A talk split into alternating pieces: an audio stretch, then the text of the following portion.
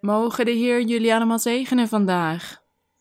En we danken onze Heer weer, omdat Hij ons toestaat om hier elkaar te ontmoeten.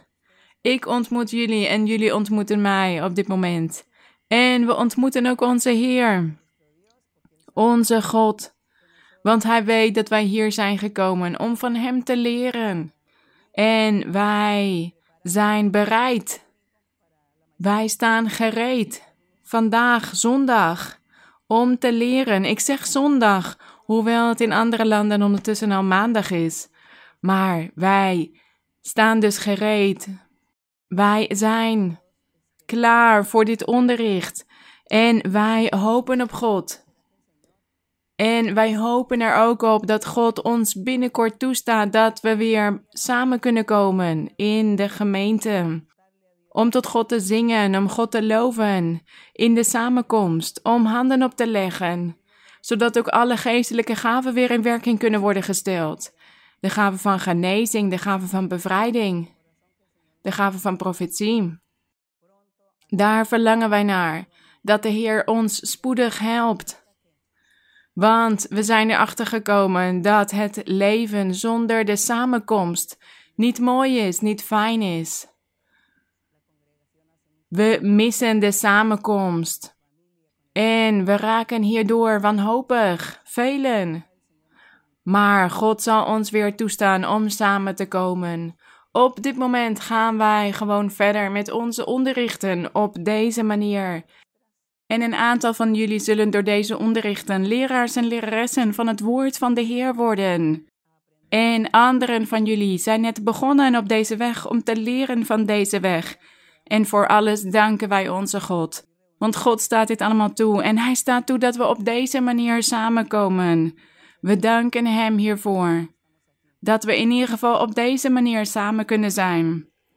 De glorie en de eer zijn onze God. Wij danken onze Heer voor zijn oneindige barmhartigheid. En ik vraag God vandaag om mij te helpen.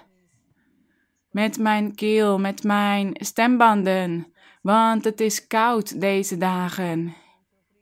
En wanneer het hier buiten koud is, dan kunnen we de airconditioning niet goed afstellen. We kunnen hem ook niet uitzetten, want anders hebben we straks geen zuurstof meer. Dus we moeten de airconditioning aanhouden. Maar soms schaadt dit mijn stembanden. Het heeft eigenlijk niks te maken met mijn keel. Het zijn mijn stembanden die eigenlijk wat overbelast zijn. Ze zijn moe geworden. Ze zijn al wat versleten. Want ja, 50 jaar lang dat ik tot de Heer zing dat ik profeteer, dat ik tot God bid, dat ik onderwijs, dat ik de Heer loof. Dus ja, mijn stembanden zijn er wat versleten ondertussen. En ik word aangeraden om niet zo hard te spreken en dat ik ook af en toe moet rusten. Maar goed, voor mijn God geef ik alles. Voor de Heer doe ik alles. Ik leef voor God en voor de kerk. En ik ruil deze weg voor niks op de wereld in. Wat een geluk op de weg van de Heer te mogen lopen. Wat een geluk God te mogen leren kennen, Zijn woord te leren kennen, Zijn beloften en alles wat Hij voor ons heeft. Ik voel mij erg trots dat ik de weg van de Heer mag kennen. Ik observeer de wereld, ik aanschouw de wereld, ik kijk ernaar, ik zie vele dingen. Maar ik zou niks inruilen voor God, voor de weg van God, voor het leven met God. Leven met God is prachtig, is een genot. En daarom verbaast het mij als mensen tegen mij zeggen dat ze moe zijn geworden en dat ze hun leven willen afnemen omdat ze geen blijdschap, geen vreugde meer voelen, omdat het leven voor hen geen zin meer heeft. En ik zeg dan, hoe werkt de duivel? Wat doet hij allemaal met de mensheid? Hoe bindt hij zoveel mensen vast met ketens, met vele ideeën en concepten die hen van God laten afwijken? En ja, als een persoon niet van God houdt, hoe kan hij dan van zijn naasten houden? Zijn familieleden. Hij kan dan niet van andere mensen houden. En dat is erg verdrietig. Dus laten we ervoor strijden. Wij die deze weg begrijpen. Laten we ervoor strijden dat onze familieleden, onze buren, onze kennissen, onze vrienden, dat zij ook allemaal deze weg van de Heer kunnen leren kennen. Laten we daarvoor strijden. Ook met ons getuigenis. Laten we die zielen winnen voor God. Dat is mijn uitnodiging voor jullie.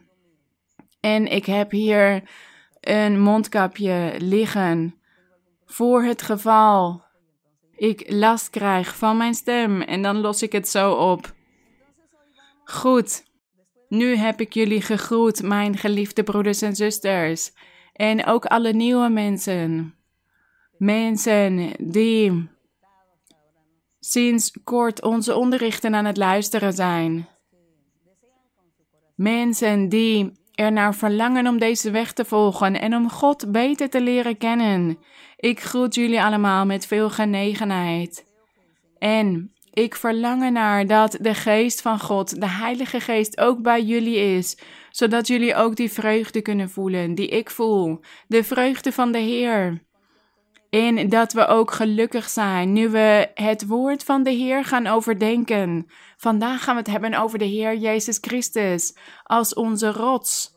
Hij is die rots, Hij is die sterke rots waar wij ons in verbergen, waartoe wij de toevlucht nemen. Dus de Heer Jezus Christus is onze rots. We hebben de Heer al op vele manieren gezien als het levend water, als de bron, als de nauwe poort, als het licht der wereld. Dat zijn allemaal namen voor onze Heer. En vandaag gaan we het hebben over de Heer Jezus Christus als onze rots. In Exodus 17, Exodus hoofdstuk 17, vers 1 tot en met 7 gaan we lezen. Hier staat in Exodus. Ik vertel jullie heel snel de geschiedenis. Mozes was hier met het volk van Israël in de woestijn.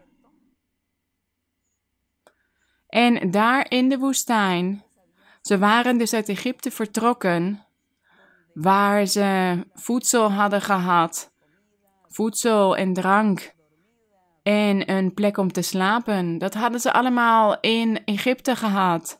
En toen Mozes hen de woestijn in had geleid, hadden ze gebrek aan bepaalde dingen. En ze hadden dus bijvoorbeeld geen voedsel of drank meer. En als ik het heb over drank, dan heb ik het over water.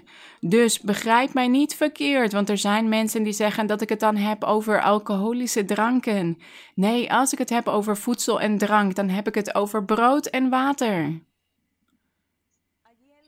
Het volk had hier dus gebrek aan. Ze hadden geen water om te drinken.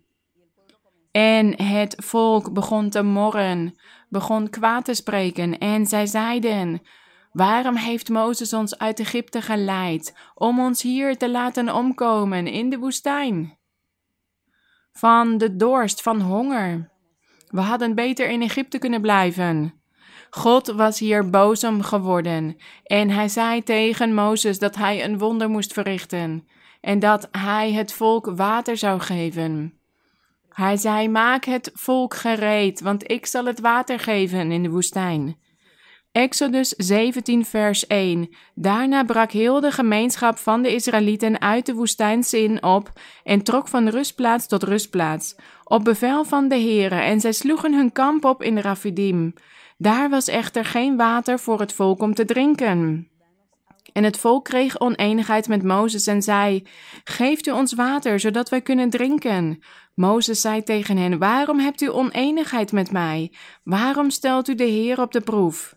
Het volk smachtte daar naar water en het volk moorde tegen Mozes en zei: Waarom hebt u ons toch uit Egypte te laten vertrekken, om mij, mijn kinderen en mijn vee van dorst te laten omkomen?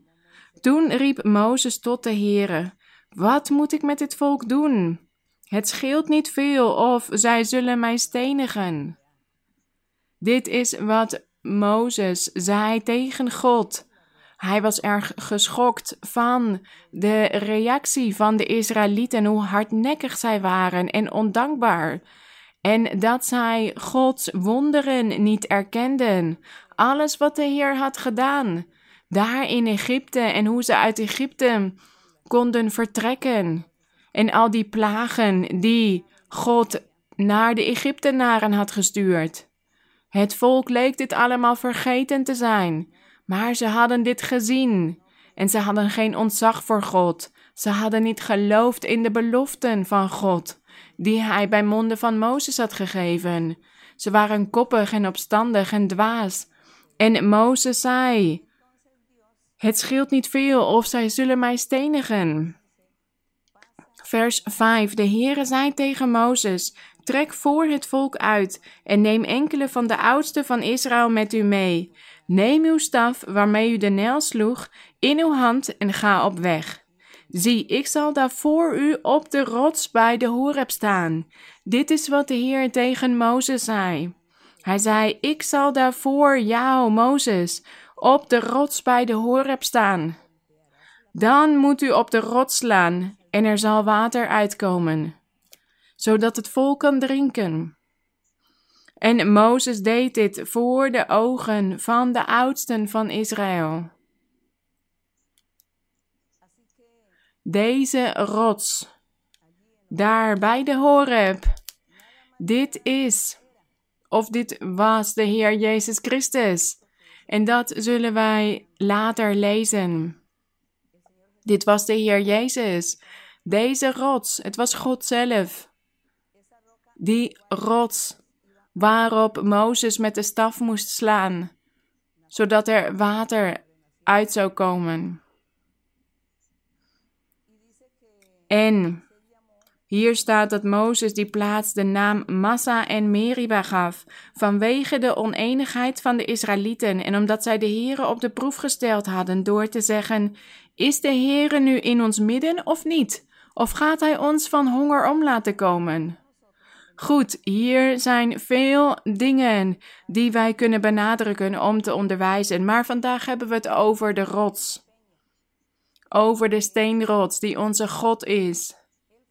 Hij was deze rots die hier bij het volk was geweest, en uit hem was dat water gekomen, zodat het volk kon drinken, hun dorst kon lessen. En laten we nu naar Deuteronomium gaan. in Deuteronomium 32.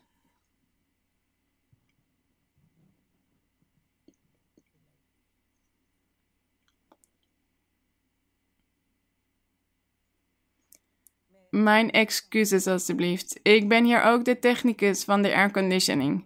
Mijn excuses. Deuteronomium 32, vers 4. Zijn jullie klaar, broeders, met jullie Bijbel? Ik neem aan dat jullie zitten. Ik heb jullie vandaag niet uitgenodigd om te gaan zitten, maar ik neem aan dat jullie niet meer staan. Ik neem aan dat jullie allemaal klaar zitten met de Bijbel. Deuteronomium 32, vers 4. Hij is de rots. Maar laten we vanaf vers 1 lezen. Dit is een lied van Mozes. Hoor mij aan, hemel, dan zal ik spreken. Laat de aarde de woorden van mijn mond horen. Laat mijn leer neerdruppelen als de regen. Laten mijn woorden stromen als de dauw. Als een zachte regen op het groen en als regendruppels op het gewas. Want ik zal de naam van de Heere uitroepen. Geef grootheid aan onze God. Hij is de rots hij is de rots, wiens werk volmaakt is. Het werk van onze God is volmaakt. Want al zijn wegen zijn een en al recht. God is waarheid en geen onrecht. Rechtvaardig en waarachtig is Hij. Dat is de rots.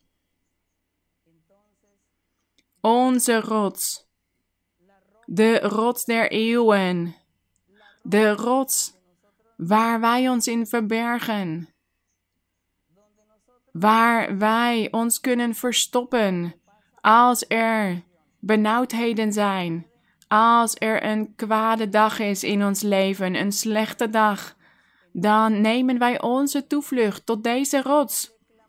Dan bidden wij tot de Heer en dan staat Hij klaar om ons te helpen.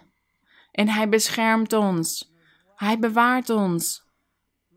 Een rots. Er kan een persoon zijn en die kan onder een rots gaan zitten of in een rots en dan beschermt hij zichzelf tegen de regen, een sterke, een heftige regen, of een orkaan, een storm, of ook tegen de zon. Die rots beschermt hem tegen allemaal extreme weersomstandigheden. Dat is de rots voor ons. En als wij dus een slechte dag meemaken, als we ziek zijn of problemen hebben, of als er ruzies zijn, conflicten, verkrachtingen, ontvoeringen, gebrek, diefstal, dan verbergen wij ons in de rots en Hij helpt ons, Hij beschermt ons dan. Dus gezegend zij onze rots, onze God. En laten we verder gaan naar vers 15 van ditzelfde hoofdstuk. Deuteronomie 32, vers 15. Dit is dus een lied van Mozes. En hij vertelt over alle zegeningen die God aan het volk van Israël had gegeven toen zij uit Egypte waren vertrokken. Alle wonderen die God had gedaan en alle dingen die hij hen had gegeven in overvloed. En hier staat bijvoorbeeld in vers 13 dat ze konden eten van de opbrengsten van het veld en dat hij hen honing liet zuigen uit de rots en olie uit hard gesteente, boter van runderen en melk van kleinvee, samen met het vet van lammeren, van rammen die in Basan weiden en van bokken, samen met het allerbeste binnenste van de tarwekorrel en druivenbloed, goede wijn. Hier ging het over de tijd in Egypte, waar ze allemaal van hadden genoten toen zij in Egypte waren. En in vers 15 gaat het over hetzelfde volk van Israël, maar wordt het Jesjurun genoemd. En dit heeft vast een betekenis in een, in een bepaalde taal. Maar dit betekent gewoon Israël. Hier staat, maar toen Jesjurun vet werd, trapte hij achteruit. Zoveel had de Heer hen gegeven dat ze vet waren geworden. Dit was op een symbolische manier. Dit was een metafoor. Ze waren vervuld met materialisme, trots, jaloezie, hebzucht. Ze hadden zichzelf gevuld met geldzucht en ze wilden alles wat andere landen ook hadden. Ze wilden ook leven zoals andere volken leefden, in zonde, in kwaad. En God beledigend. Zij wilden hetzelfde doen. En daarom zei God hier dat ze vet waren geworden. Dik waren geworden, dat ze vet gemest waren. Want ze waren materialistisch geworden, in plaats van dat ze juist God gingen zoeken wilden ze juist die wereldse mensen zijn, die dat werelds genot zoeken en al die wereldse dingen willen doen. Hier staat, hij trapte achteruit, u bent vet, u bent dik, u bent vet gemest. Toen verliet hij God. Hier staat dat zij God, die hen gemaakt had, verlieten. En wat staat hier nog meer? Hij versmaadde de rots van zijn heil. Ze hadden de rots van hun verlossing versmaad, minacht, verworpen. En dit is de Heer Jezus Christus. En laten we naar vers 18 gaan. Hier blijft de Heer spreken.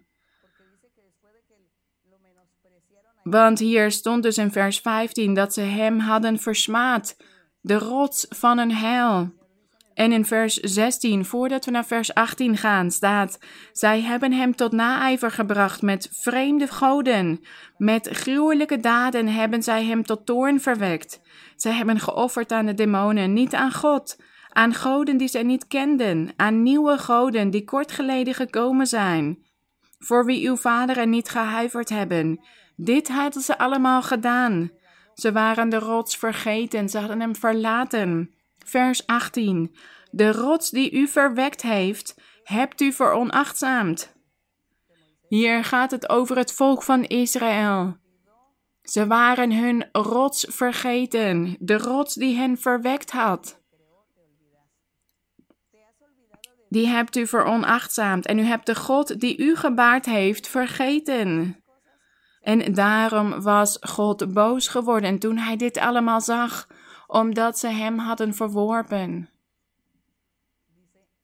Zijn zonen en zijn dochter staat hier in vers 19. Toen de Heere dat zag, verwierp hij hen uit toorn tegen zijn zonen en zijn dochters. En daarom ging hij hen straffen. Vers 20, hij zei, ik zal mijn aangezicht voor hen verbergen. Dit zei die rots, onze God, tegen hen. Ik zal mijn aangezicht voor hen verbergen. Ik zal zien wat hun einde is, want ze zijn een totaal verdorven generatie, kinderen in wie geen enkele trouw is. Zij hebben mij tot naijver gebracht met wat geen God is. Zij hebben mij tot toorn verwekt door hun nietige afgoden. Ik zal hen daarom jaloers maken door wat geen volk is, oftewel de heidenen. Hij zou de heidenen een kans geven om ook in hem te geloven. Met dit volk, met de heidenen, wilde de Heer de Israëlieten jaloers maken, de Joden. En dit vers is ook voor vandaag de dag. We kunnen hetzelfde zeggen vandaag de dag. Zij hebben mij tot naijver gebracht met wat geen God is. En ik zal hen daarom jaloers maken met door wat geen volk is. Door een dwaas volk zal ik hen tot toorn verwekken, want hij zou naar iedereen gaan kijken. En iedereen die in de rots gelooft, die de rots volgt, de rots dat is Christus Jezus, die zal de zegeningen ontvangen. De Messias is in vlees op de aarde gekomen. Hij heeft zichzelf vernederd om als mens onder de mensen te kunnen wonen. God zelf, deze rots, deze sterke rots der eeuwen. Daar hebben we het vandaag over. Onze rots, onze God, onze Heer Jezus Christus. En laten we nu naar het boek Psalmen gaan. In Psalmen, in de Psalmen vinden we vele zinnen die gaan over de rots. Psalm 18.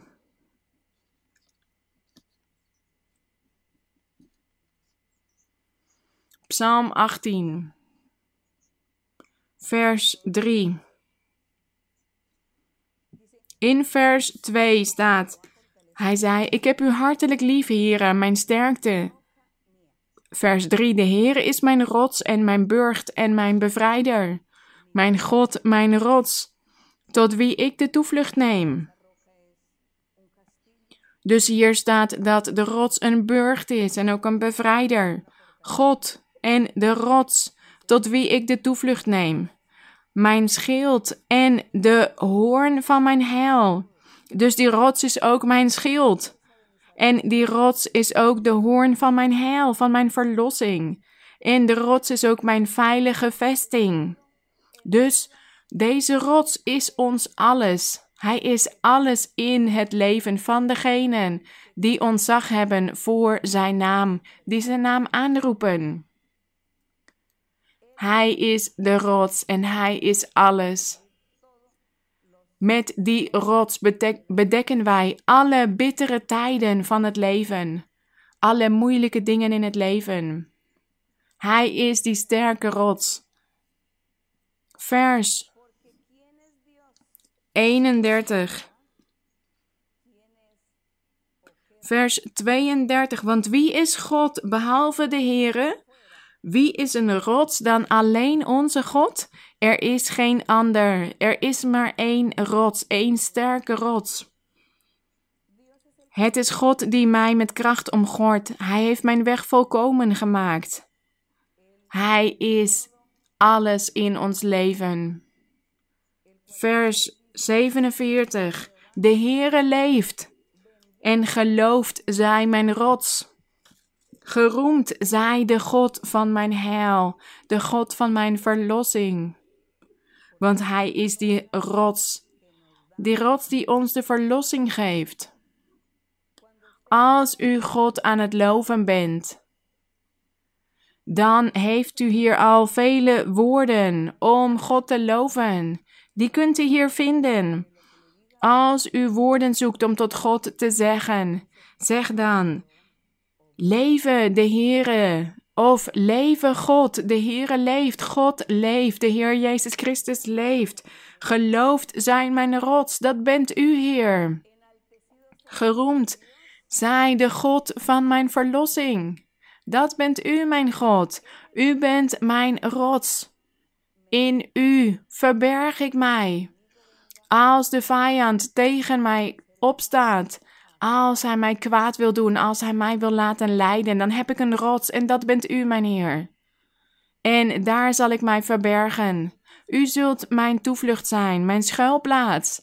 Al deze woorden, al deze zinnen kunnen wij tegen de Heer zeggen wanneer wij Hem aan het loven zijn, wanneer wij Hem aan het prijzen zijn. Het is belangrijk om dus de psalmen te lezen en deze woorden, deze zinnen uit ons hoofd te leren. Zodat we dit tegen de Heer kunnen zeggen met heel ons hart.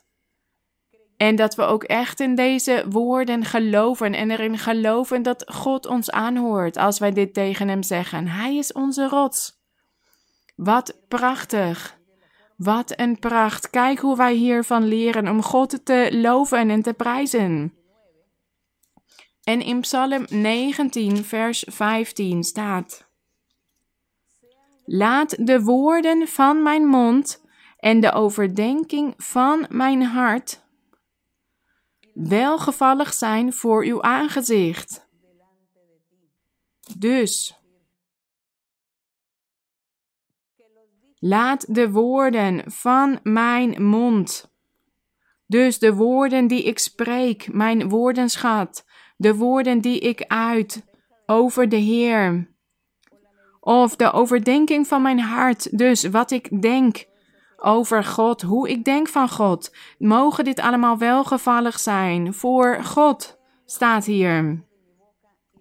Want hier staat: Laat de woorden van mijn mond en de overdenking van mijn hart welgevallig zijn voor uw aangezicht. Heere, mijn rots en mijn verlosser. Mijn rots.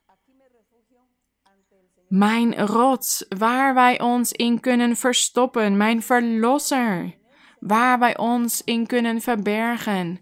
Want wanneer wij tot God bidden of wanneer wij Hem overdenken, dan luistert Hij naar ons. Dan hoort Hij onze woorden aan. En dan neemt Hij onze woorden en onze overdenkingen aan. Want Hij is die rots voor ons.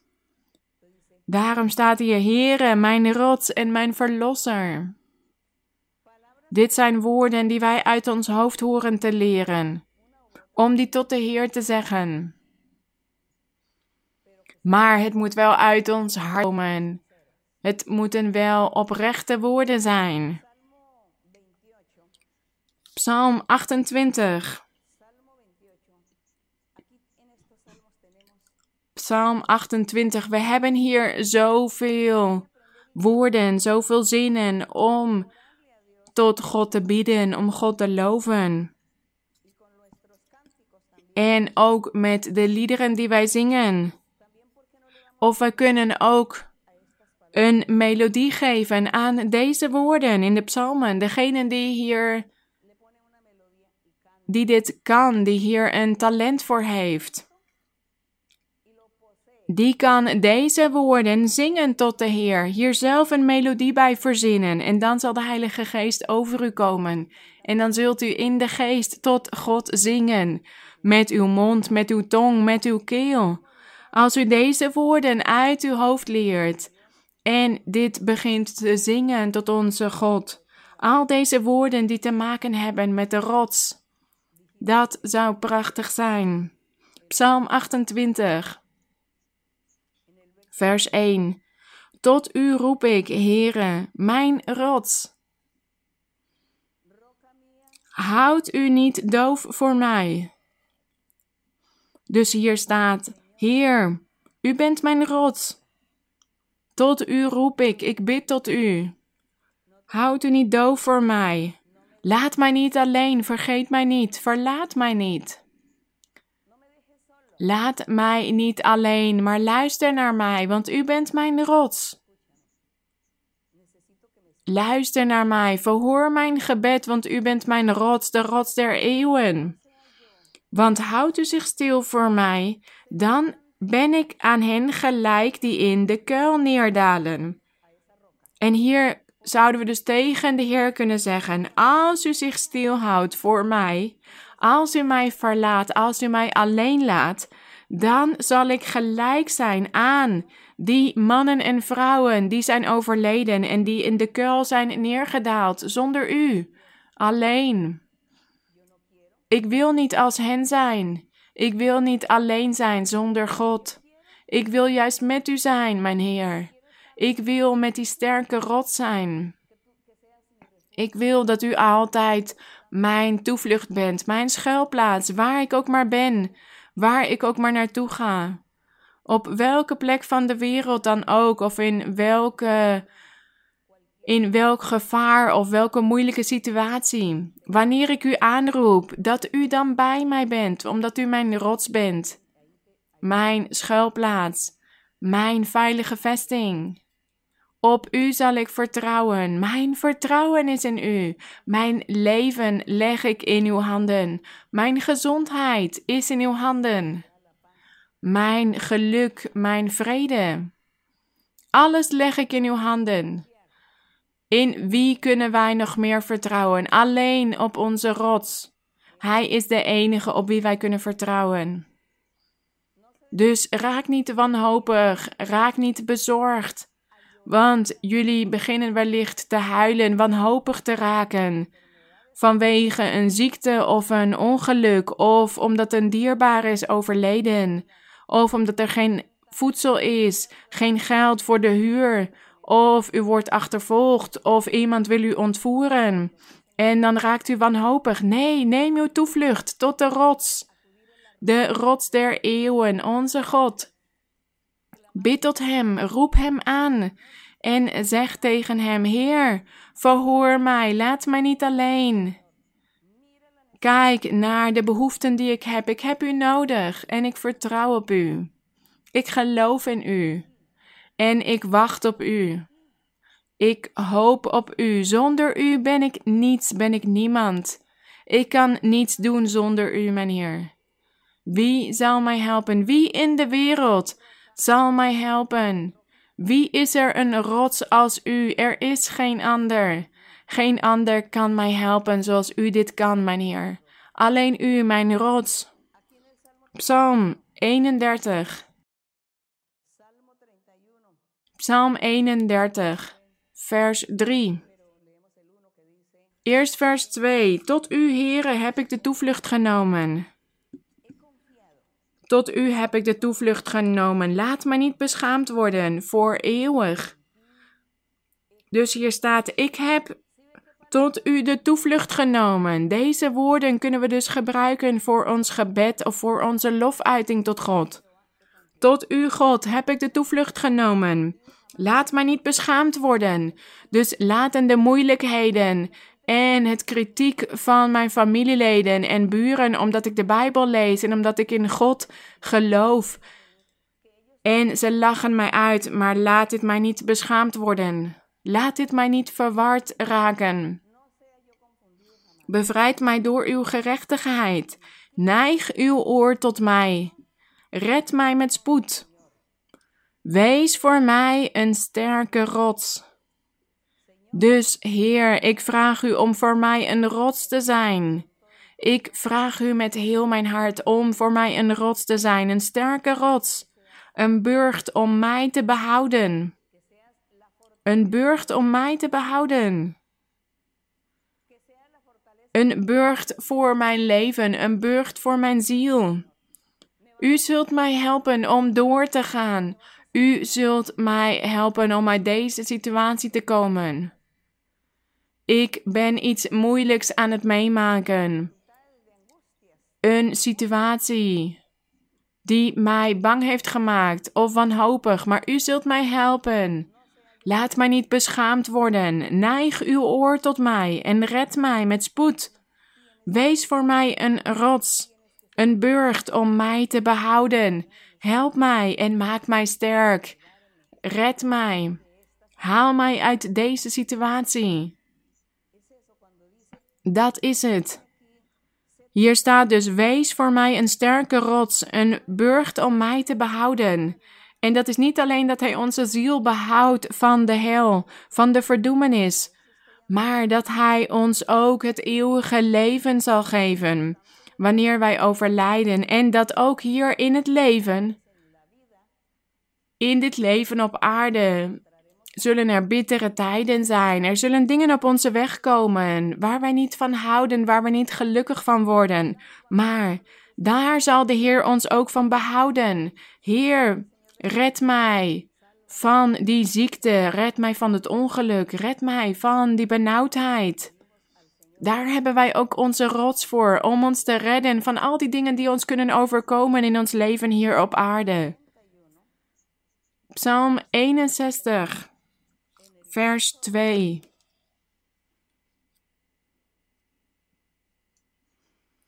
Psalm 61, eerst vers 2. O God, luister naar mijn roepen, sla acht op mijn gebed.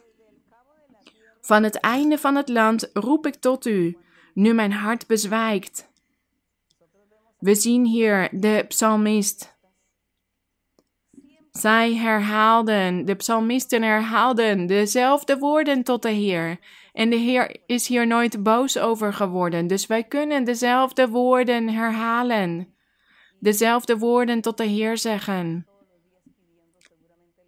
En wij zijn vast vele dingen aan het vragen tot de Heer. Elke dag weer, totdat Hij ons antwoord geeft. En hier staat dus: O God, luister naar mijn roepen. Sla acht op mijn gebed. Van het einde van het land roep ik tot u. Dus vanaf welke plek op de wereld dan ook roep ik tot u. Nu mijn hart bezwijkt. Ja, mijn hart wilde wellicht bezwijken vanwege een moeilijk moment, een kwade dag. Daarom staat hier van het einde van het land roep ik tot u, nu mijn hart bezwijkt. En u zult mij aanhoren, want hier staat: Leid mij op een rots die voor mij te hoog zou zijn. Want u bent een toevlucht voor mij geweest, een sterke toren tegen de vijand.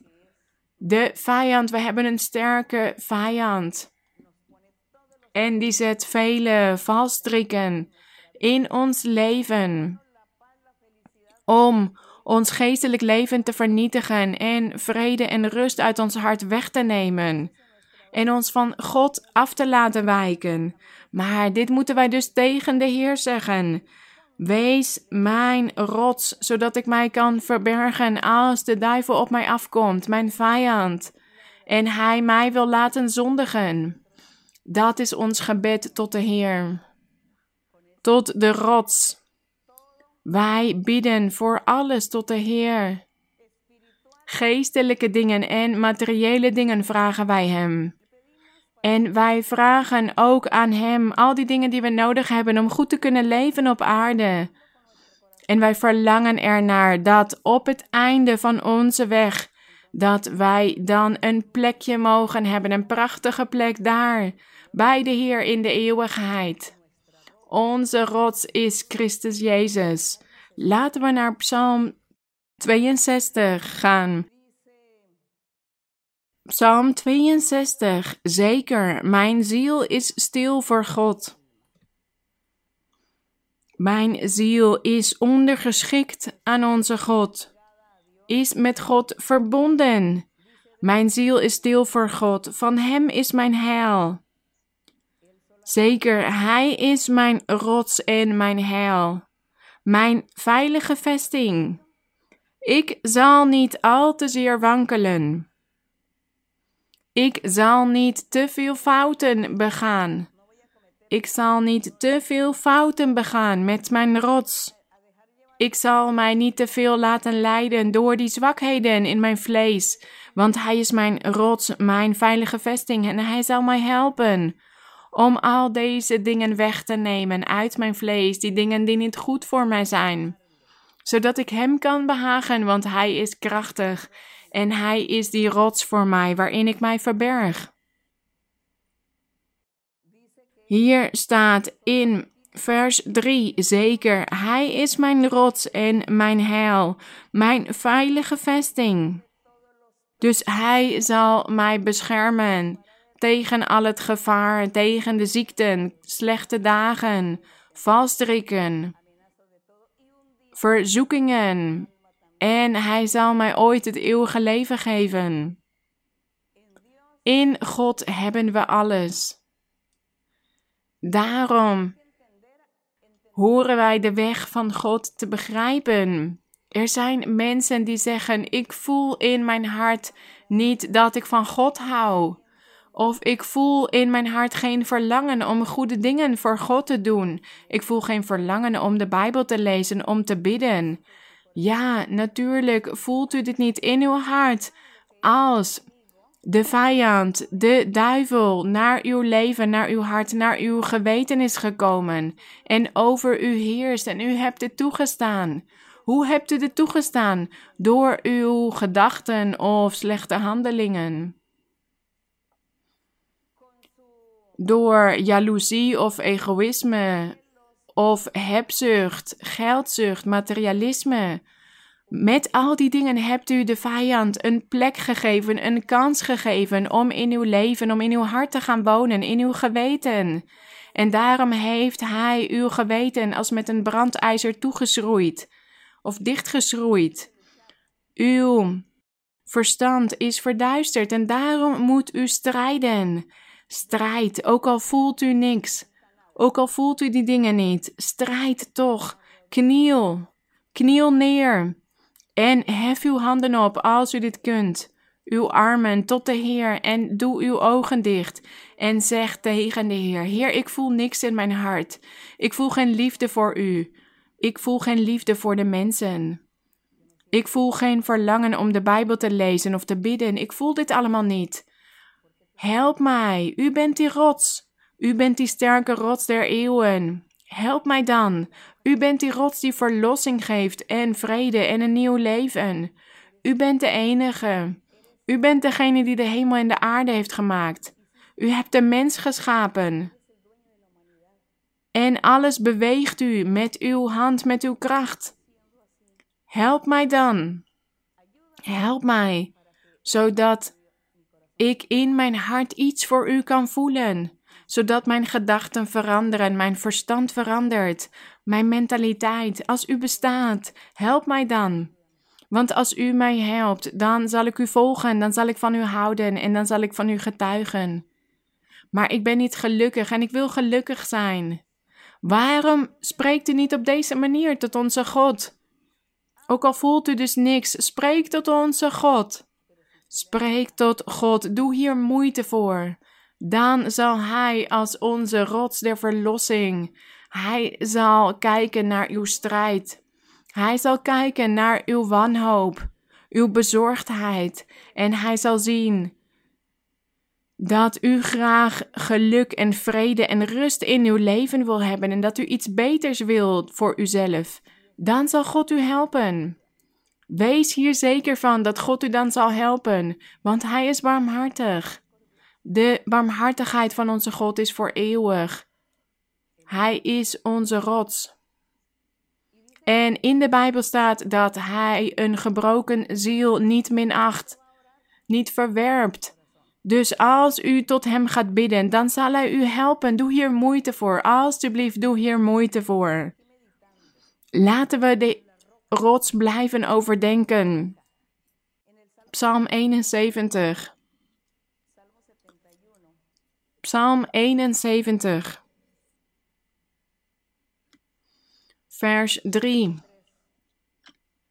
Maar laten we lezen vanaf vers 1. Tot u, Heere, heb ik de toevlucht genomen. Laat mij niet voor eeuwig beschaamd worden.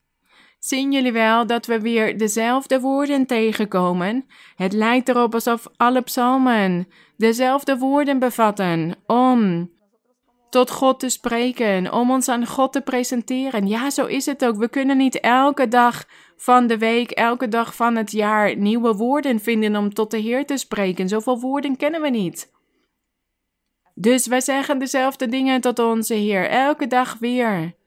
Op een andere manier, maar met dezelfde woorden. En Hij neemt dit van ons aan. Het behaagt Hem. Het is belangrijk dat wij tot Hem spreken. Dat is het belangrijkste.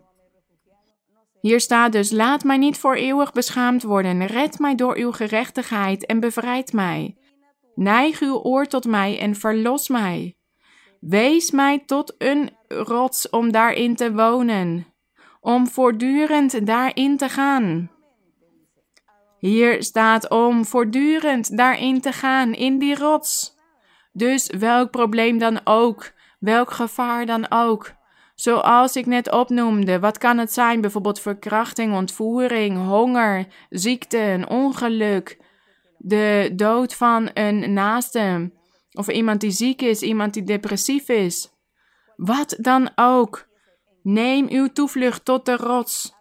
Om daarin te wonen, staat hier, om voortdurend daarin te gaan. U hebt bevel gegeven om mij te verlossen, want u bent mijn rots en mijn burcht. U bent mijn rots en mijn burcht. Wat een prachtige beloften. Wat een prachtige woorden. En ook al worden ze herhaald, ze zijn zo prachtig elke keer weer. Als ze uit ons hart komen, dan zal God ons aanhoren en Hij zal handelen in ons leven. En dan zullen die woorden nog prachtiger worden.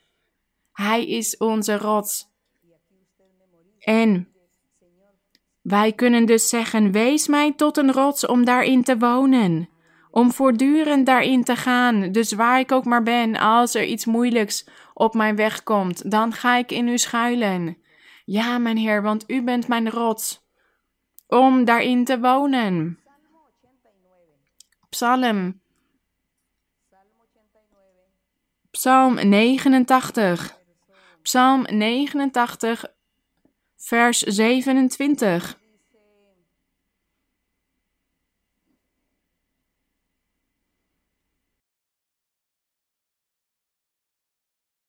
Hier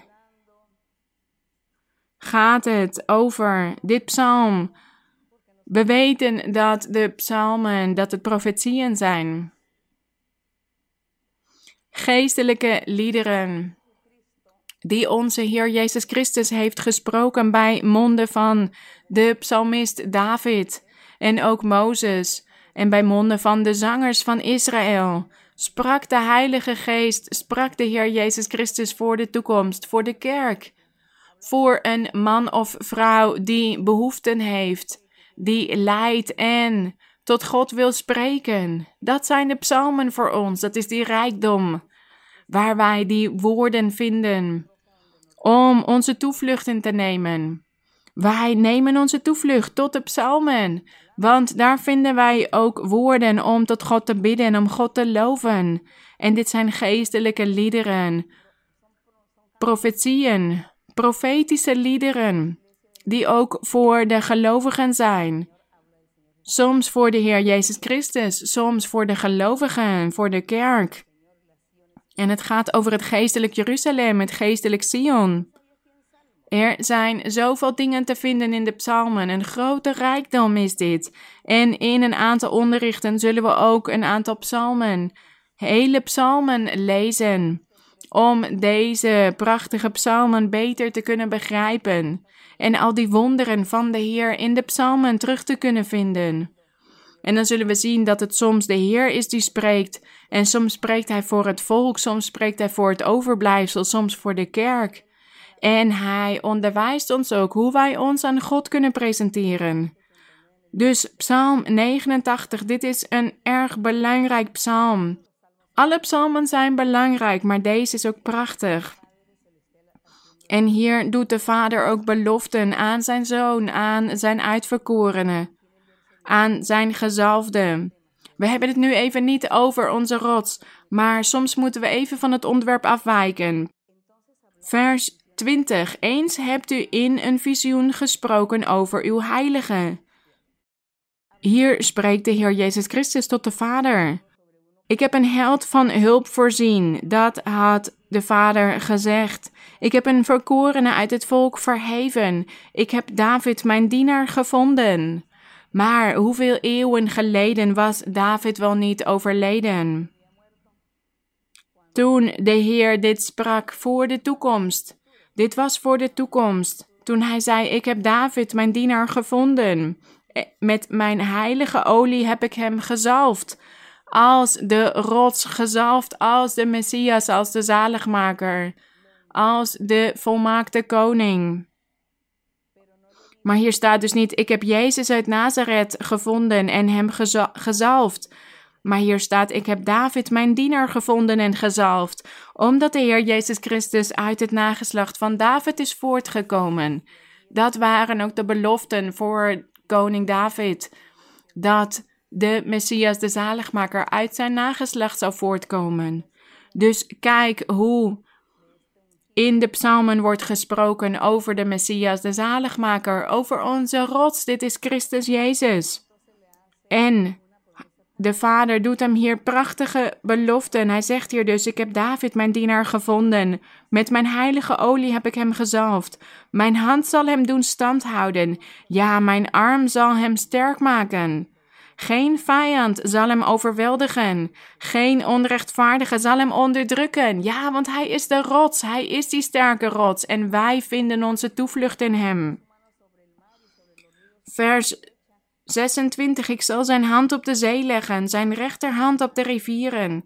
Hij zal tot mij roepen: U bent mijn vader, mijn God en de rots van mijn heil. Dus wij zien hier dat de Vader ook de rots is. De Vader is God en de rots van mijn heil. En ook de Heer Jezus Christus. Dus de Vader is het ook die het volk van Israël in de woestijn water gaf uit de rots met Mozes. Want God is één, dus God is ook de Heer Jezus Christus. Hij is de rots van mijn heil. Vers 28. Ja, ik zal hem tot een eerstgeboren zoon maken, tot de allerhoogste van de koningen van de aarde. Hier gaat het over Christus Jezus. Als eerstgeboren zoon, want de gelovigen in de Heer, de volgelingen van het evangelie, zij zijn ook kinderen, zonen en dochters van God en daarom is de Heer Jezus Christus als onze rots hij is die eerstgeboren zoon. Het vleeselijke deel van hem. In het vlees was hij die eerstgeboren zoon van God. En daarna zijn er nog vele zonen en dochters geboren. Dat zijn de gelovigen in de Heer Jezus Christus. Dus de Vader is de rots en de Heer Jezus Christus is ook de rots. Hier staat het, de rots van mijn heil is de Vader. En laten we nu verder gaan naar het boek Korinthe, Eerste Korinthe, om te kijken wat de apostel Paulus hierover onderwijst. De apostel Paulus had getuigd dat de Heer Jezus Christus zelf aan hem het evangelie had verkondigd, had geopenbaard. De Heer heeft alle geloofsleer aan de apostel Paulus geopenbaard op een directe manier. Dus de apostel Paulus was erg bevoorrecht. Want de Heer heeft hem zelf zijn woord geopenbaard. Vandaag de dag hebben we de Heilige Geest in de samenkomst en God onderwijst ons, Hij leidt ons door de Heilige Geest en Hij vertelt ons hoe we alle dingen horen te doen. Ook gebaseerd op alles wat al geschreven staat, wat de oudsten hebben opgeschreven. En Hij leidt ons ook vandaag de dag wat betreft de technologie en de wetenschap en alles wat ontdekt wordt vandaag de dag, om hier allemaal op een wijze manier mee om te gaan, zodat we God kunnen blijven behagen in alles. Dus wij danken onze Heer, onze rots, die in ons midden is. En de Heer Jezus Christus toen hij op de aarde was, hij zei, Ik ga weg, maar ik zal jullie niet als wezen achterlaten. Ik zal jullie niet alleen achterlaten. Ik zal de Heilige Geest naar jullie toezenden. En Hij zal jullie leiden. En dat is wat we vandaag de dag meemaken. De Heilige Geest helpt ons om deze schriften te kunnen begrijpen. En ook onderwijst Hij ons hoe wij een goed gebruik kunnen maken van alle ontdekkingen van de mensheid de technologieën, alle ontdekkingen, alle nieuwe dingen. De Heilige Geest onderwijst ons hoe wij alles op een ordelijke manier kunnen doen in ons leven. Maar wat hier geschreven staat, dit woord blijft geldig, dit geschreven woord, en wij genieten hiervan, en de Heer bevestigt ons dit elke dag weer. En wij verheugen ons erover dat we de Bijbel hebben, daar danken we onze Heer voor, want dit leidt ons in ons leven. En de apostel Paulus had dus dit voorrecht gehad dat de Heer hem zelf het evangelie had geopenbaard, de geloofsleer. En laten we zien wat Paulus ons hier vertelt over die rots. Over de rots der eeuwen, de rots van verlossing. 1 Korinthe hoofdstuk 10. 1 Korinthe hoofdstuk 10, vers 1 tot en met 5. Laten we snel lezen.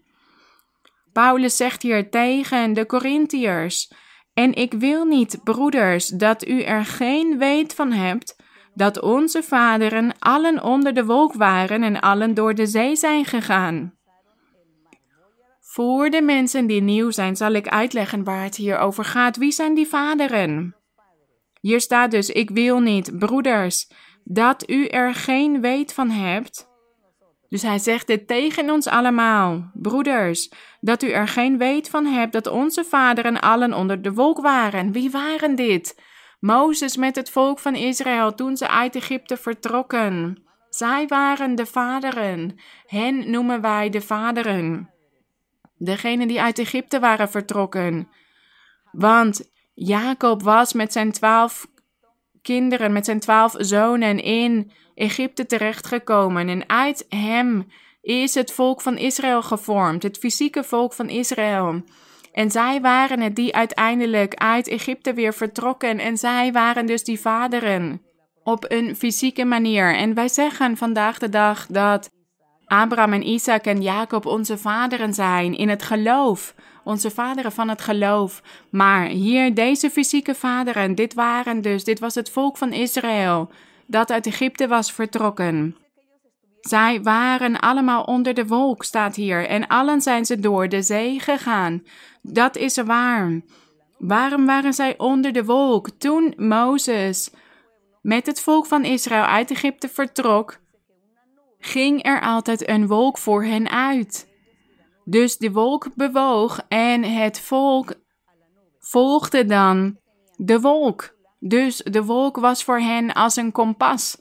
Dus waar de wolk naartoe ging, daar liepen zij dan ook naartoe door de woestijn. Dus als de wolk naar links ging, dan gingen zij naar links. En als de wolk naar rechts ging, dan gingen zij naar rechts. En zo heeft de wolk hen geleid totdat ze bij de Rode Zee aankwamen. En het leger van Egypte van de farao was achter hen aangekomen, zodat ze niet zouden kunnen vluchten. En toen Mozes dat wonder verrichtte en de zee opengespleten werd, een stuk van de zee, waardoor zij lopend door de zee konden trekken. We lezen dat er water aan beide zijkanten was en dat er boven hen ook de wolk was, waar water in zat. Dus zij waren helemaal bedekt door water aan alle kanten. Dat is wat de apostel hier zegt. Vers 2: En dat allen in Mozes gedoopt zijn, in de wolk en in de zee. Dat is zo gebeurd. Ze hadden dus water links en rechts van de zee en water boven hen in de wolk. En zo zijn ze dus in Mozes gedoopt vers 4. En allen hebben dezelfde geestelijke drank gedronken.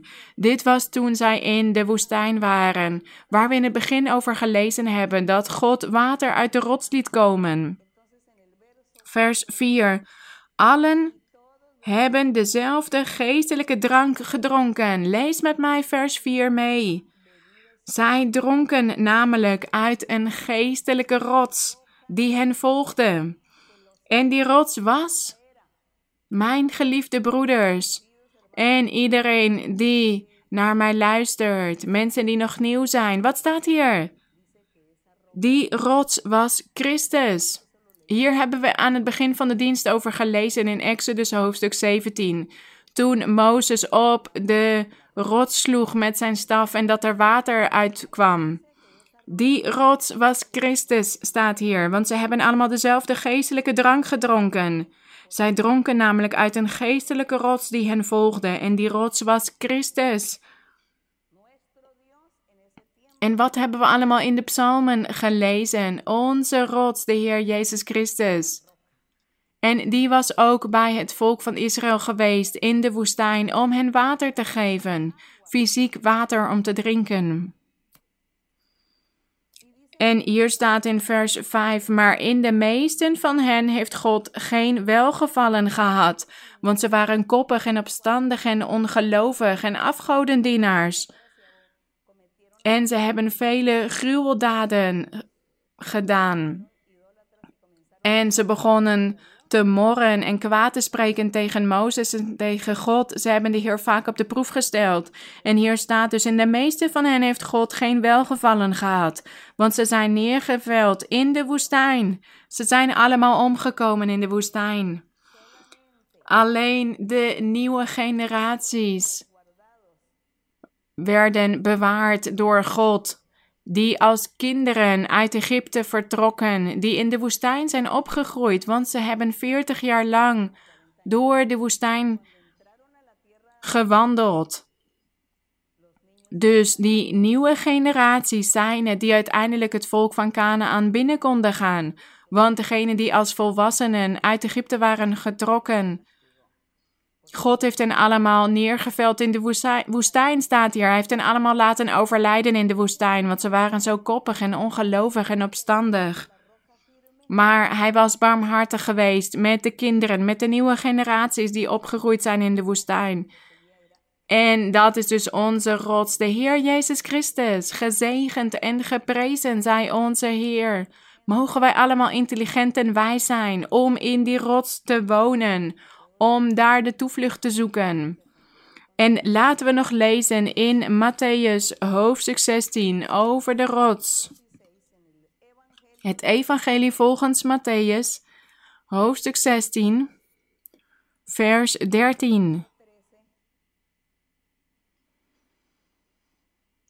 Hier vinden we de Heer Jezus Christus. Hij was hier aan het verkondigen in Jeruzalem. Hij was zijn evangelie aan het verkondigen, de eeuwige rots, die sterke rots der eeuwen. Hij onderwees. En de mensen, het volk, het gewone volk, luisterden naar hem, naar zijn verkondiging. Hij sprak altijd over het koninkrijk der hemelen.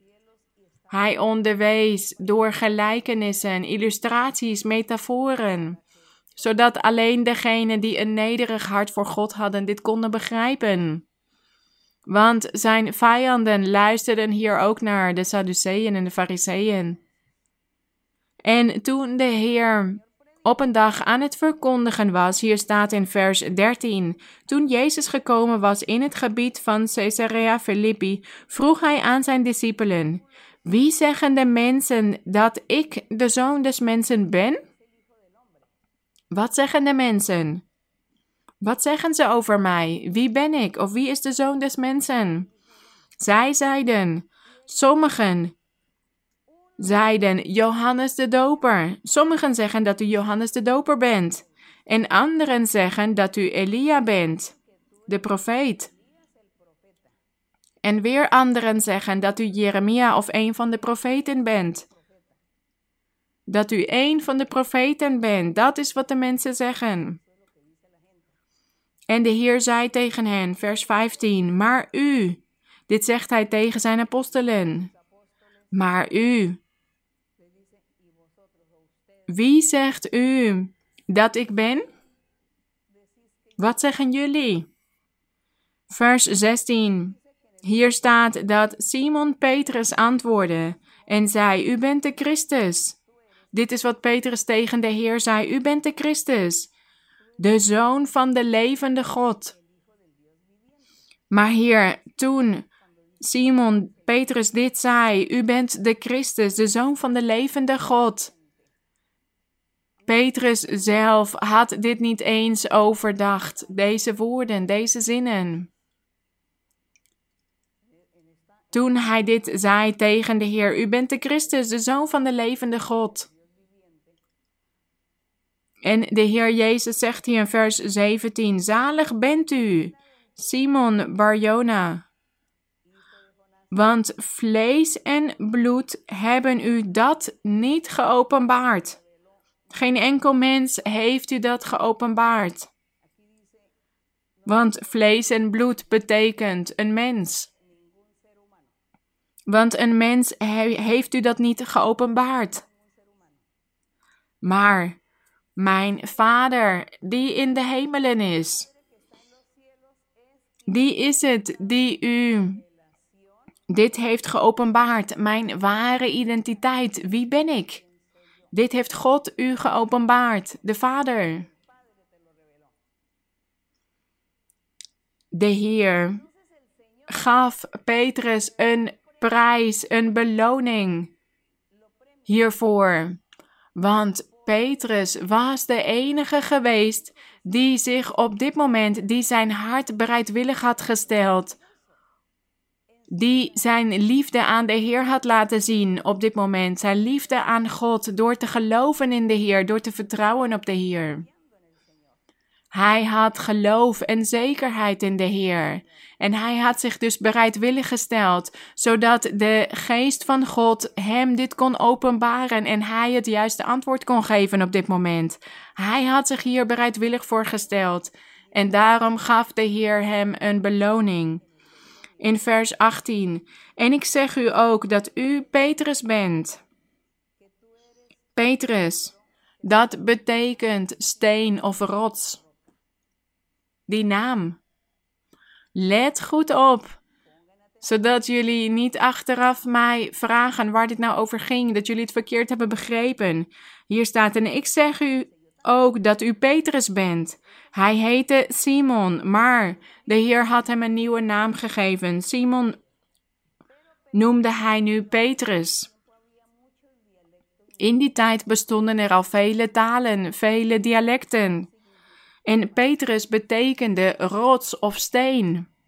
En hij zei dus: Ik zeg u dat u Petrus bent. U bent steen, u bent een rots. En op deze Petra. Maar wie is deze Petra die hier volgt? Is dit Petrus of was dit gewoon zijn naam? Was Simon die rots of was Petrus gewoon zijn nieuwe naam? Dus wie was deze Petra, deze steen? Het was niet Simon.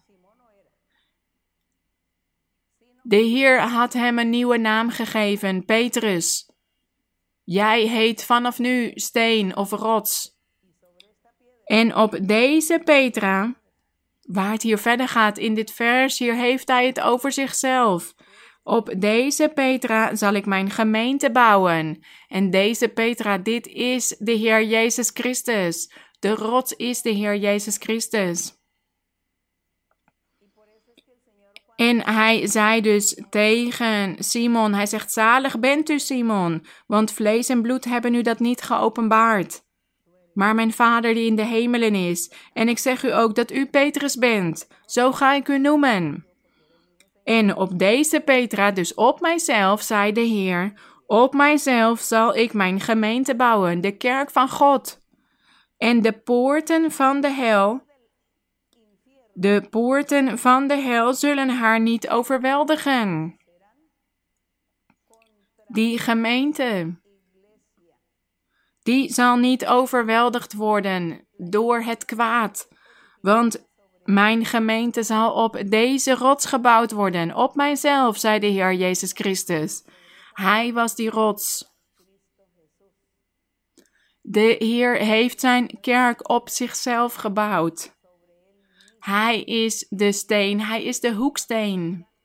de hoeksteen van het gebouw, de belangrijkste steen, de belangrijkste hoeksteen van een gebouw, die steen die dat hele gebouw staande houdt. En dat gebouw is zijn kerk.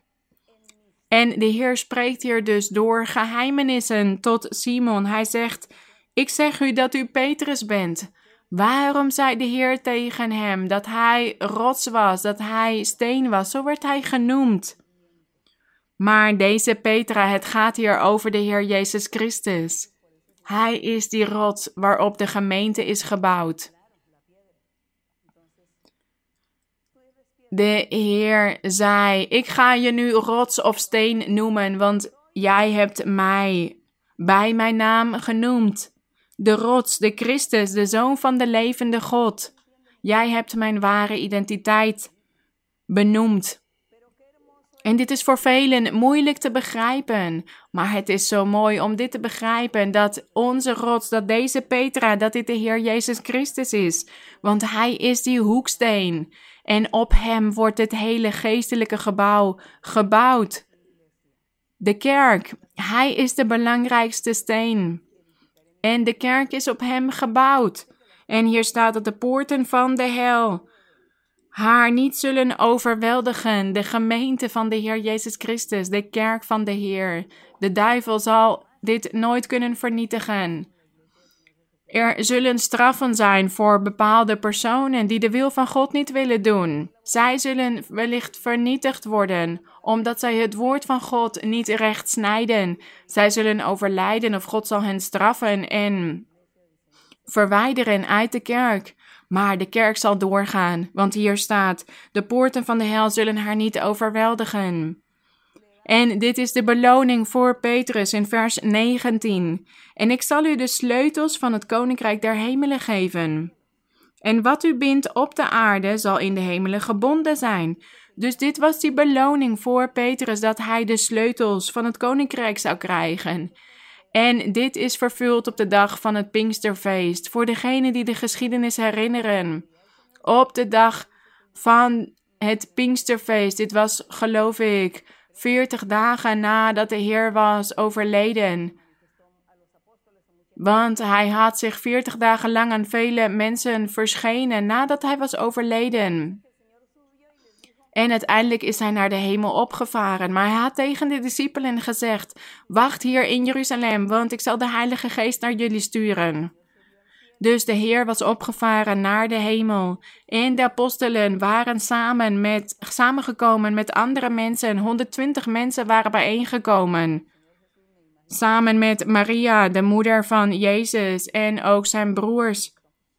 En wellicht ook zijn zussen, zijn familie was daar ook samengekomen, samen met andere gelovigen. Ze waren in een ruimte in een zaal samengekomen die de bovenzaal werd genoemd. En de Heilige Geest kwam over hen en ze begonnen in andere talen te spreken en ze begonnen te profiteren en wonderen te verrichten. En we lezen dat Petrus toen opstond en de eerste toespraak hield, de eerste preek. Hij was de eerste die opstond om het koninkrijk der hemelen te verkondigen. En er was toen een menigte, een grote menigte bij dat huis gekomen om hier naar te luisteren. En dat was die beloning voor Petrus, die we hier in vers 19 lezen. Ik zal u de sleutels van het koninkrijk der hemelen geven.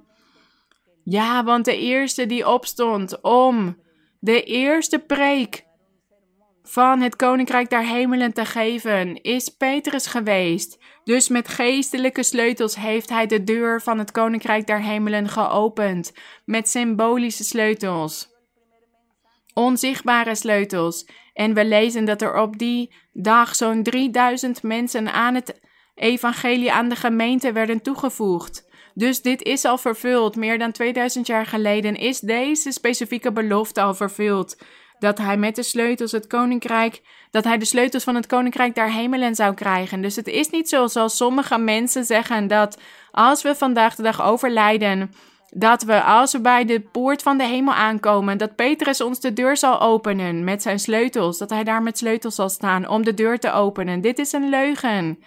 Dit is een fantasie, dit is bedacht door de mensen. dat Hij de deur voor ons zal openen en ons binnen zal laten. Nee, dit vers is al vervuld meer dan 2000 jaar geleden. Hij was de eerste geweest die een preek heeft gegeven over het koninkrijk der hemelen. En na hem begonnen alle apostelen ook te verkondigen. En begonnen ze zich te verspreiden over de regio daar om het evangelie te verkondigen. Dus dit is al vervuld. Die sleutels van het koninkrijk der hemelen. En wat u bindt op de aarde zal in de hemelen gebonden zijn. Oftewel, ik zal je bijstaan, ik zal je kracht geven en geestelijke gaven. Je zal wonderen verrichten in mijn naam. Dat betekent dit. En wat u ontbindt op de aarde zal in de hemelen ontbonden zijn. Oftewel, ik zal je bijstand geven en kracht en gaven en je zult vele genezingen doen en wonderen verrichten in mijn naam. Ik zal je groots gebruiken om vele wonderen te verrichten. Dat betekent dit binden en ontbidden, ontbinden. Wat de Heilige Geest vandaag de dag ook doet. Hij geeft geestelijke gaven aan de mensen. Aan velen van ons heeft Hij dit gegeven, deze gaven. Geestelijke gaven en bijstand om bijvoorbeeld voor zieken te bidden, zodat ze genezen worden. Of dat er mensen zijn die onder hekserijen of tovenarijen lijden, bezweringen, en dat ze dan bevrijd worden hiervan. Dat noemen we binden en ontbinden. Als er bijvoorbeeld iemand is die ziek is van kanker en ik bid voor die persoon en ik zeg: Heer, genees deze persoon van dit, van dit kanker. En als de Heer deze persoon dan geneest, dan heb ik deze persoon ontbonden van zijn kanker. En als ik bijvoorbeeld voor een andere persoon bid dat het hem goed gaat in een reis of dat met zijn zaken doen, dat het hem goed gaat, dat dit hem veel geld gaat opleveren. En als de Heer mij dan aanhoort, mijn gebed, mijn gebed voor die persoon, dan kunnen we zeggen: Ja, ik heb deze persoon gebonden aan een zegening van geld. Dat is wat onze rots der eeuwen doet, de Heer Jezus Christus. Dus ik heb het ook even hier over de sleutels willen hebben en over dit binden en ontbinden, terwijl we het vandaag over de rots hebben. Maar dit is omdat vele mensen dingen verzinnen en ze verliezen zegeningen van onze God, omdat ze dit soort dingen verzinnen. Want ze zeggen dan, ja, als ik overlijd, dan zal de apostel Petrus vast en zeker voor mij de deur open doen, de deur van de hemel. En hij zal mij stiekem naar binnen laten gaan. Nee, dit is allemaal niet zo. Dit is niet waar, dit zijn leugens. Dit is al gebeurd, die sleutels van het koninkrijk, die heeft hij al gehad. En we hebben het dus vandaag over onze rots gehad, de Heer Jezus Christus. Wat mooi, wat mooi als wij de stappen, de voetstappen van onze rots volgen, van onze koning, van onze Heer, de lofuitingen zijn voor de koning der ere, voor de rots der eeuwen. Laten we doorgaan met veel dapperheid. Laten we dapper zijn en sterk. Raak niet ontmoedigd, want die rots is zo dicht bij ons. Laten we op Hem vertrouwen en onze toevlucht tot Hem nemen. Laten we gaan bidden tot de Heer. We danken u, Heilige Vader. We danken u voor uw liefde, voor uw barmhartigheid, voor uw goedheid. We danken u voor uw heilige woord. We danken u, mijn Heer, omdat u ons deze prachtige schriften hebt nagelaten. Deze schriften die wij elke dag weer beter begrijpen en wij genieten hiervan. Wij verheugen ons hierover als wij uw woord lezen. Want uw Heilige Geest maakt dit levend in ons eigen leven. We danken u, eeuwige God. Wij loven u. Help ons om uw weg te volgen. Help ons om uw wil te doen. Help ons om uw geboden in acht te nemen en u in alles te behagen. Geef ons begrip en verstand om te kunnen begrijpen hoe wij een heilig oprecht leven voor u kunnen leiden. En mogen wij allemaal in eensgezindheid leven. Help ons om in eensgezindheid te kunnen zijn. Dat we elkaar begrijpen, dat we één hart zijn, dat we één zijn in u, mijn Heer. Door van u te houden, door op u te vertrouwen. Door alle koppigheid en opstandigheid af te leggen. Door geen boosheid en jaloezie en hebzucht in ons hart te bewaren. Al die dingen die ons geestelijk leven vernietigen en ervoor zorgen dat wij afstand van u nemen, of dat u afstand van ons neemt en ons alleen laat. Heer, help ons in de luisterrijke naam van de Heer Jezus Christus, uw geliefde Zoon. En mijn Heer, ik bid ook tot u voor degenen die ziek zijn.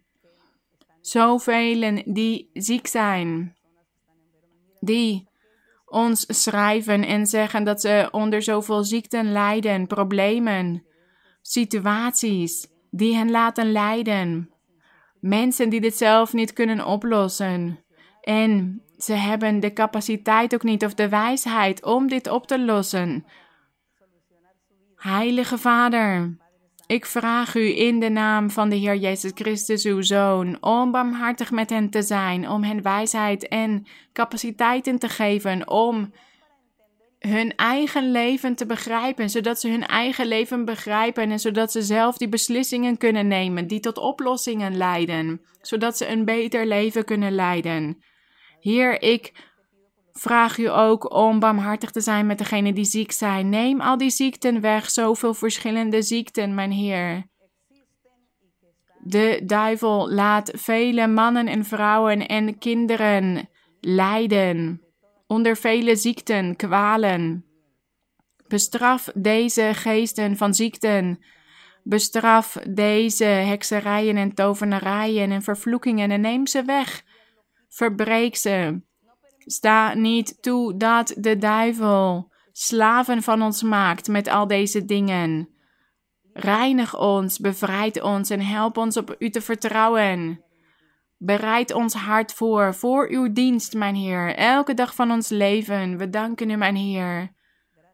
Geef ook troost aan degenen die lijden. Geef wijsheid en vreugde en vrede aan degenen die hier gebrek aan hebben. En kijk naar de hartverlangens, mijn Heer, en de verzoeken van velen. Vervul hun hartverlangens. En geef openbaringen, mijn Heer, aan de mensen. Onderwijs hen, zodat iedereen alles op de juiste manier doet en zodat ze kunnen genieten van uw barmhartigheid. We danken u, mijn Heer, omdat u onze gebeden verhoort. Wij danken u omdat u naar ons luistert, naar onze klacht, naar onze verzoeken, naar onze behoeften, mijn Heer, naar onze gebeden. In de luisterrijke naam van uw Zoon, onze Heer Jezus Christus, vragen wij dit allemaal. Amen. De glorie en de eer zij aan u.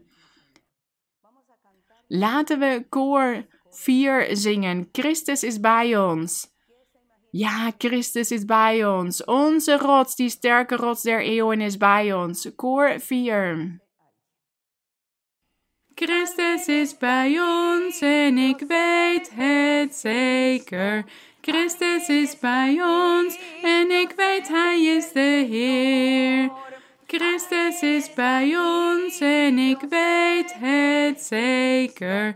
Christus is bij ons en ik weet Hij is de Heer. Je ziet Hem niet, maar Hij is hier. Je ziet Hem niet, maar Hij is hier. Bid voor jezelf en bid voor mij.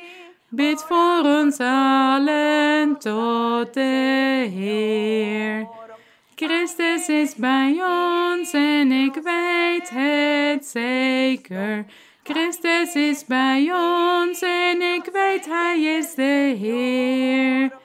Christus is bij ons en ik weet het zeker. Christus is bij ons en ik weet Hij is de Heer. Je ziet Hem niet, maar Hij is hier. Je ziet Hem niet, maar Hij is hier.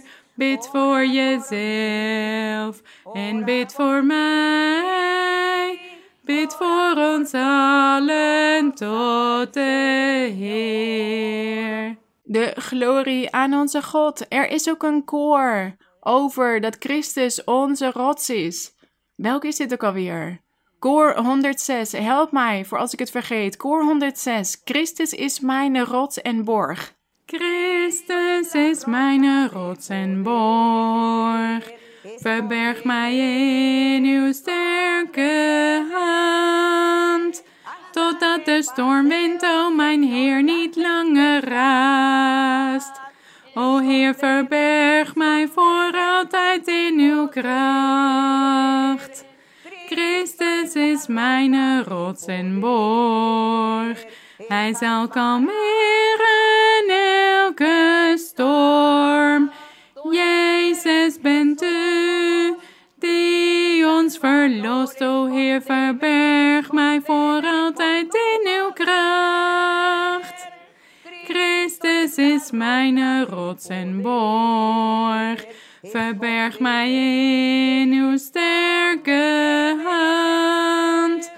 Totdat de stormwind, o mijn Heer, niet langer raast. O Heer, verberg mij voor altijd in uw kracht. Christus is mijn rots en borg. Hij zal kalmeren elke storm. Jezus bent u, die ons verlost. O Heer, verberg mij voor altijd in uw kracht. De glorie zij aan onze Heer. Wat mooi is het om tot onze God te zingen. Goed, jullie ook. Zing tot God elke keer dat jullie dit willen. Mogen God jullie zegenen. Ik hou van jullie in de Heer. Vele omhelzingen voor jullie allemaal, zeker voor de kinderen. Dank jullie wel.